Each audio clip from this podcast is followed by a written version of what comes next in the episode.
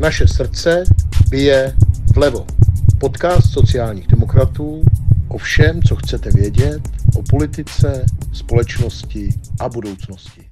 Milí přátelé, přeji vám krásné léto a vítám vás u podcastu sociálních demokratů, nejenom pro sociální demokraty. Naše srdce bije vlevo. Já se jmenuji Michal Šmarda a mým hostem je úplně nový místopředseda sociální demokracie Lukáš Ulrich. Lukáši, ahoj. Ahoj, Michale. Lukáš Ulrich, pro ty z vás, kteří ho neznají, je nejenom úplně novým místopředsedou sociální demokracie, ale také už mnohaletým předsedou mladých sociálních demokratů. Lukáši, kromě toho, že jsi místopředseda SocDem a předseda MSD, tak co bys nám o sobě řekl? Jak bys se s nám představil? No, pocházím z pražského Žižkova, což teda to, Žižkov to není, uh, místo, uh, není místo, že to je styl života, jak my nás říkáme. Krom toho jsem studoval pedagogickou fakultu a dneska učím na střední škole dějepis, společenský a makroekonomii. No já se jako každý člověk mám nějaký koníčky, já teda konkrétně mám rád kulturu, takže hudba, divadlo, ale nebo taky hodně čtu. Tak jsi ze Žižkova, takže fandíš Viktorce? No to je jasný. Takže umíš prohrávat. Co tě přivedlo do sociální demokracie? Jak se stal sociálním demokratem? No to bylo, eh, vlastně u mě to byla trochu možná složitější cesta, ale už to začalo na střední škole, protože eh, já jsem studoval čtyřleté gymnázium a jedna z mých spolužaček byla ze sociálně slabší rodiny. Ona měla jenom maminku a, a mladší sestru. No a když se vytváří vlastně ten kolektiv, eh, bohužel na středních školách, tak eh, často se vlastně vytváří proti někomu. A bohužel jako není, eh, bylo vidět například na, na ošacení, nebo když třeba neměla na učebnice, že prostě mají hloubis do kapsy.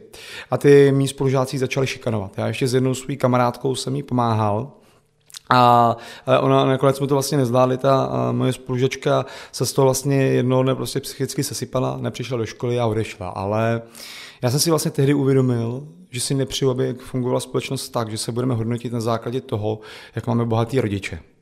A ono to ještě teda, to, ještě to jako bylo v to zázemí v tom, že ona byla strašně šikovná na přírodní vědy. Ona ty, těm, ty, ty, co ji šikanovali, tak těm vlastně ona dělala domácí úkoly a já jsem si vlastně uvědomil, jaká to byla ztráta nejenom pro ní, ale vlastně pro celou společnost, že jsme přišli o talent. Ale taky to bylo ještě v době, kdy vlastně už začala řádit pravicová vláda a začala dělat škrty. Takže ještě nejenom, že ji vlastně dělali, dělali zle spolužáci ve škole, ale ještě ji dokázala přitopit vláda. A já jsem tedy přemýšlel, co se s tím vlastně dá dělat, aby už se tohle to neupakovalo do budoucnosti a uvědomil jsem si, že jediná šance je vlastně politika. A já jsem si teda pečlivě pročítal politické programy a vlastně jediný, který mi přišel vlastně smysluplný, byl ten sociálně demokratický. Ale já jsem se taky podíval na historii té strany a když jsem si uvědomil, no je to strana, která prosadila všeobecné rovné volební právo pro muže a pro ženy, sociální zákonodárství, anebo 8-hodinovou pracovní dobu, tak to jsem si říkal, že to je strana, která mi prostě vyhovuje, do který, s kterou bych chtěl vlastně nějakým způsobem měnit svět.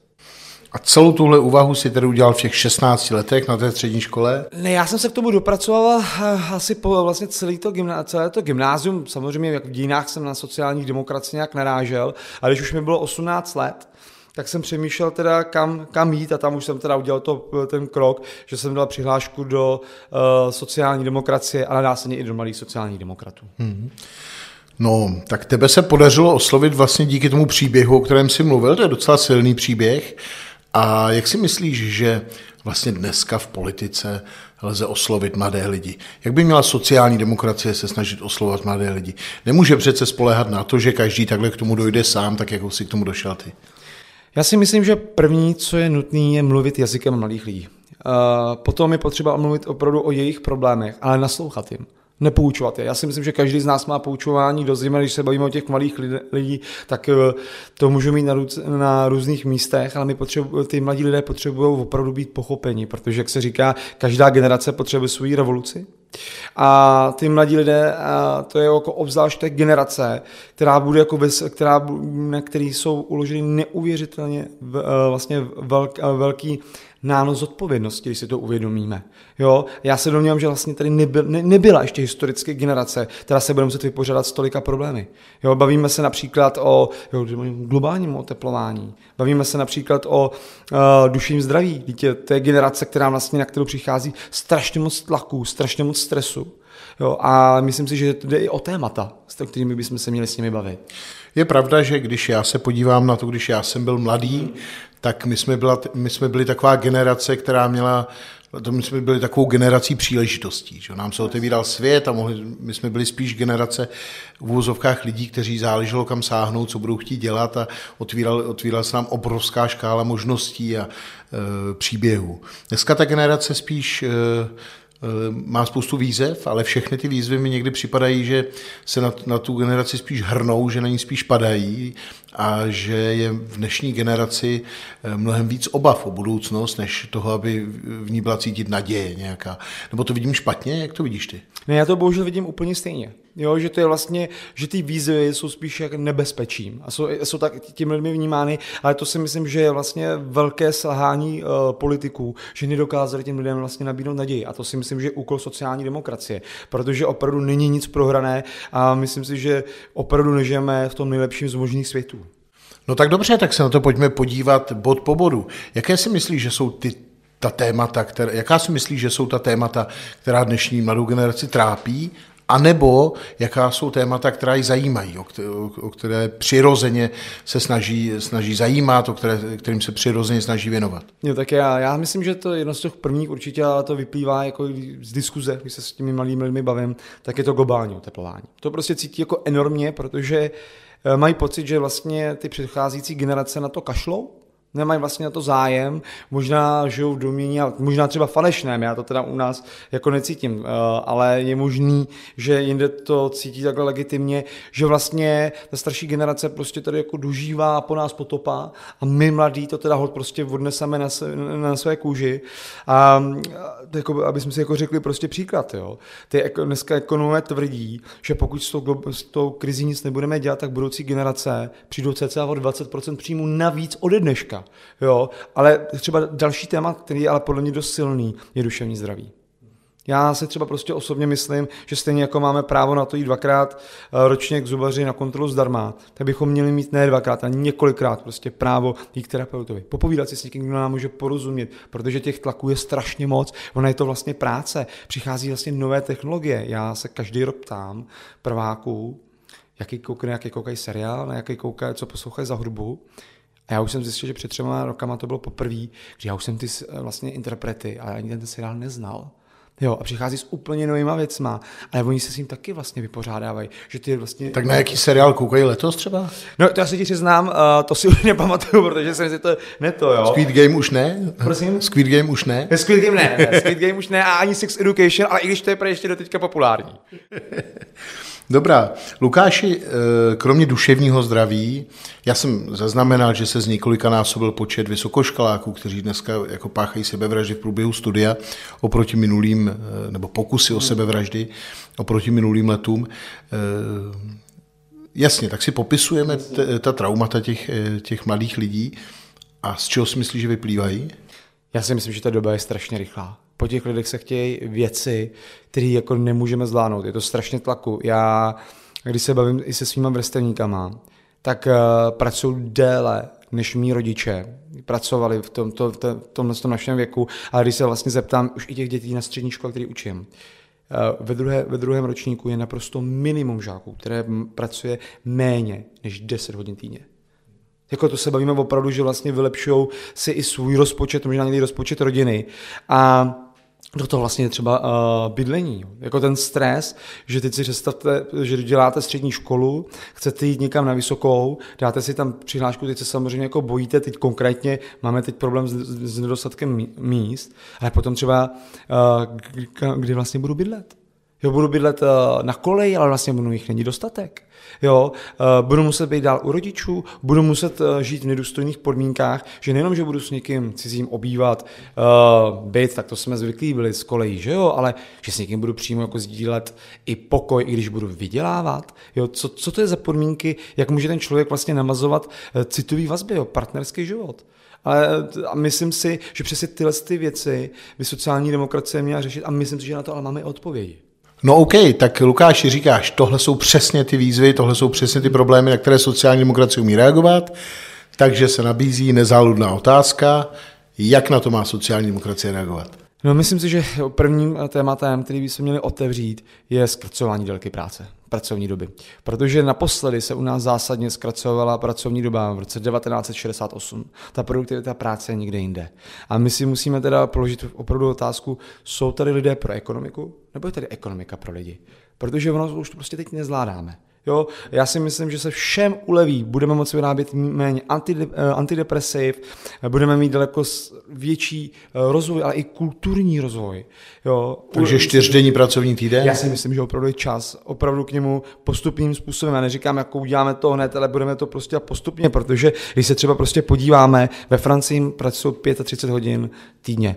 V Belgii, jestli se nepletu, tak je to nějakých 38 a v Dánsku 37 hodin a u nás je to 40, ale to si lžeme do kapsy, protože tady všichni makají díl. Když v Německu dělali nedávno průzkum mezi zaměstnankyněmi jednoho velkého obchodního řetězce, a měli se rozhodnout ti lidé, jestli jim bude o 20% navýšená mzda, anebo jim bude o 20% zkrácená pracovní doba, tak si sedm, přes 70% lidí si přálo právě zkrácení pracovní doby. Čili je vidět, že často se lidé dostávají do pozice, že ten jejich soukromý život, kvalita života je vlastně často důležitější než, eh, než ten příjem. Přesně tak. V západní, Evropě, v západní Evropě to tak dneska je. U nás tomu tak dosud není a to zejména proto, že ty příjmy jsou pořád oproti západní Evropě nízké. Myslíš si, že, to, že se to změní v nejbližší době? No já si myslím, že se to změnit musí, aby jsme eh, šli touto cestou, ale proto taky musíme něco udělat. Jo? Třeba příkladem je, eh, na rozdíl od současné vlády, která chce eh, škrtat 10% výdejů na vědu a výzkum, to je jediný, co nás může vlastně posunout dopředu. I naší ekonomiku, aby jsme měli větší příjmy, aby jsme měli ekonomiku s vyšší přidanou hodnotou, tak tohle je ta cesta. Investovat, opravdu mít nějakou vizi a plánu, kam tu ekonomiku teda vlastně chceme nějakým způsobem posunout, protože opravdu, kdybychom teda zůstali v současnosti, jak to je, no tak eh, to budeme bohužel opravdu chudí příbuzní v Evropě. Lukáši, ty máš pověst levicového radikála. Mě by zajímalo, takový levicový radikál, jako si ty. Eh, jaký je tvůj vztah k ostatním politickým stranám, kromě sociální demokracie? Dokážeš si představit spolupráci s nějakou jinou politickou stranou, která je ti vlastně blízko? Kdybys měl říct takový ten taková ta druhá na ráně. Mm-hmm. No, a jako, ale je to teda s odstupem. By to byly strana zelených a ten odstup je proto, že, si, že mě, takhle, mě je sympatické řešení uh, vlastně těch uh, témat životního prostředí a globálního oteplování, ale myslím si, že tam je potřeba ten souzvuk, Jo, že vlastně ono se to nedá dělat, uh, řešit to globální oteplování uh, tím způsobem, že to nebude sociálně spravedlivé. Tam prostě musí být, a myslím si, že tady se doplňujeme, protože, jak my říkáme, na mrtvé planetě nebude, nebude jenom, nebudou peníze, nebude ani práce a nebude ani sociální smír, ale zachránit planetu tím, že vlastně budeme některé lidi ohrožovat nebo je stresovat, no to taky nevíde. Ti zelení často zapomínají na to, že ta opatření musí být taková, aby, aby se v té zemi dalo žít a aby ti lidé měli dostatečný sociální standard, protože když ho mít nebudou, tak ta opatření odmítnou a naženou naopak eh, lidi do náruče nějakých extrémistů, konzervativců a podobně. Že? To je velký problém. A eh, jak to máš třeba s komunistickou stranou? Já se přiznám, uh, mě, já jako opravdu s komunistickou stranou, zvlášť tu českou, tak to jsme si hodně vzdáleni, protože já se domnívám, že to není levicová strana. Levice prostě podle mě hájí sociální spravedlnost, nežene lidi proti lidem, ale snaží se je spojovat ve jménu té spravedlnosti. Já to u KSČM vůbec nevidím a myslím si, že komunistická strana je mix, mixem lidí, kteří přišli do KSČ někdy eh, během normalizace, zůstali tam z nějakého pocitu jako souznění s tou stranou, ale jsou zahledění do minulosti. A my se potřebujeme koukat do budoucnosti a já vlastně nemám uh, nějaké stažené mosty ke KSČM. Často vidíme, jak oni ti někteří, teda samozřejmě to se netýká Dolejše a podobných, ale jakoby někteří ti komunisté, nebo vlastně ti, kteří tam jsou dneska ve vedení a ti, kteří určují směr té strany, ti skálové a podobně, Oni, když podporují ten ruský nebo čínský režim, tak vlastně podporují jeden z nejodpornějších pravicových režimů na světě, jenom proto, že k ní mají nějaký nostalgický vztah, že byli jejich kamarádi v mládí. Že? No, ale já tohle třeba například tohle tomu vůbec já nerozumím, protože jako komunistická strana Číny to je ve skutečnosti parta jako z hlediska komunistů největších kapitalistů na světě, který teda dělají, který řeší sociální otázku tím způsobem, že když jim dělníci skáčou z továren, tak místo toho, aby teda zkracovali délku pracovní doby, řešili pracovní podmínky, tak dají prostě pod ty okna sítě. A takhle si tady já opravdu řešení jako sociálních problémů zemi nepředstavuju. Já ne, ne, nechápu, proč je podporují, přesně myslím si, že to je jako nějaká pachuť minulosti, ale bohu to prostě není levicová politika.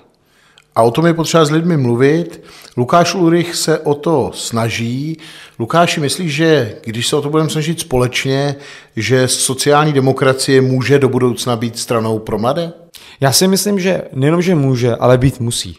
Protože mladí lidé tady budou jako i po nás a my potřebujeme vytvářet svět pro ně a mít vizi do budoucnosti. A myslím si, že to je něco, co vůbec české politice chybí. My se bavíme vši, jenom o tom, co budeme dělat za čtyři roky, na jednou levní období, ale my musíme dát společnosti vizi o tom, kam, jakým způsobem půjdeme, co budeme chtít, jaká bude ta budoucnost. Budeme chtít, aby jsme makali 16 hodin uh, týdně, nebo jak třeba budeme řešit otázku umělé inteligence, která začíná být jako začíná být velkou výzvou.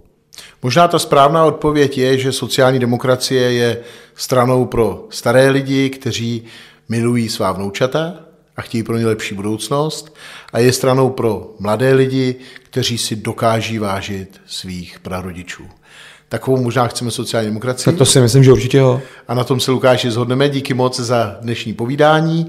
Já bych vás všechny chtěl pozvat samozřejmě k našemu dalšímu dílu a prosím vás o sdílení, komentování našich sociálních sítí, ať už na Facebooku, na Instagramu. Můžete komentovat, sdílet naše příspěvky, například i tento podcast. Váš názor nás zajímá, děkujeme moc za pozornost. Mějte se krásně. Naše srdce bije vlevo.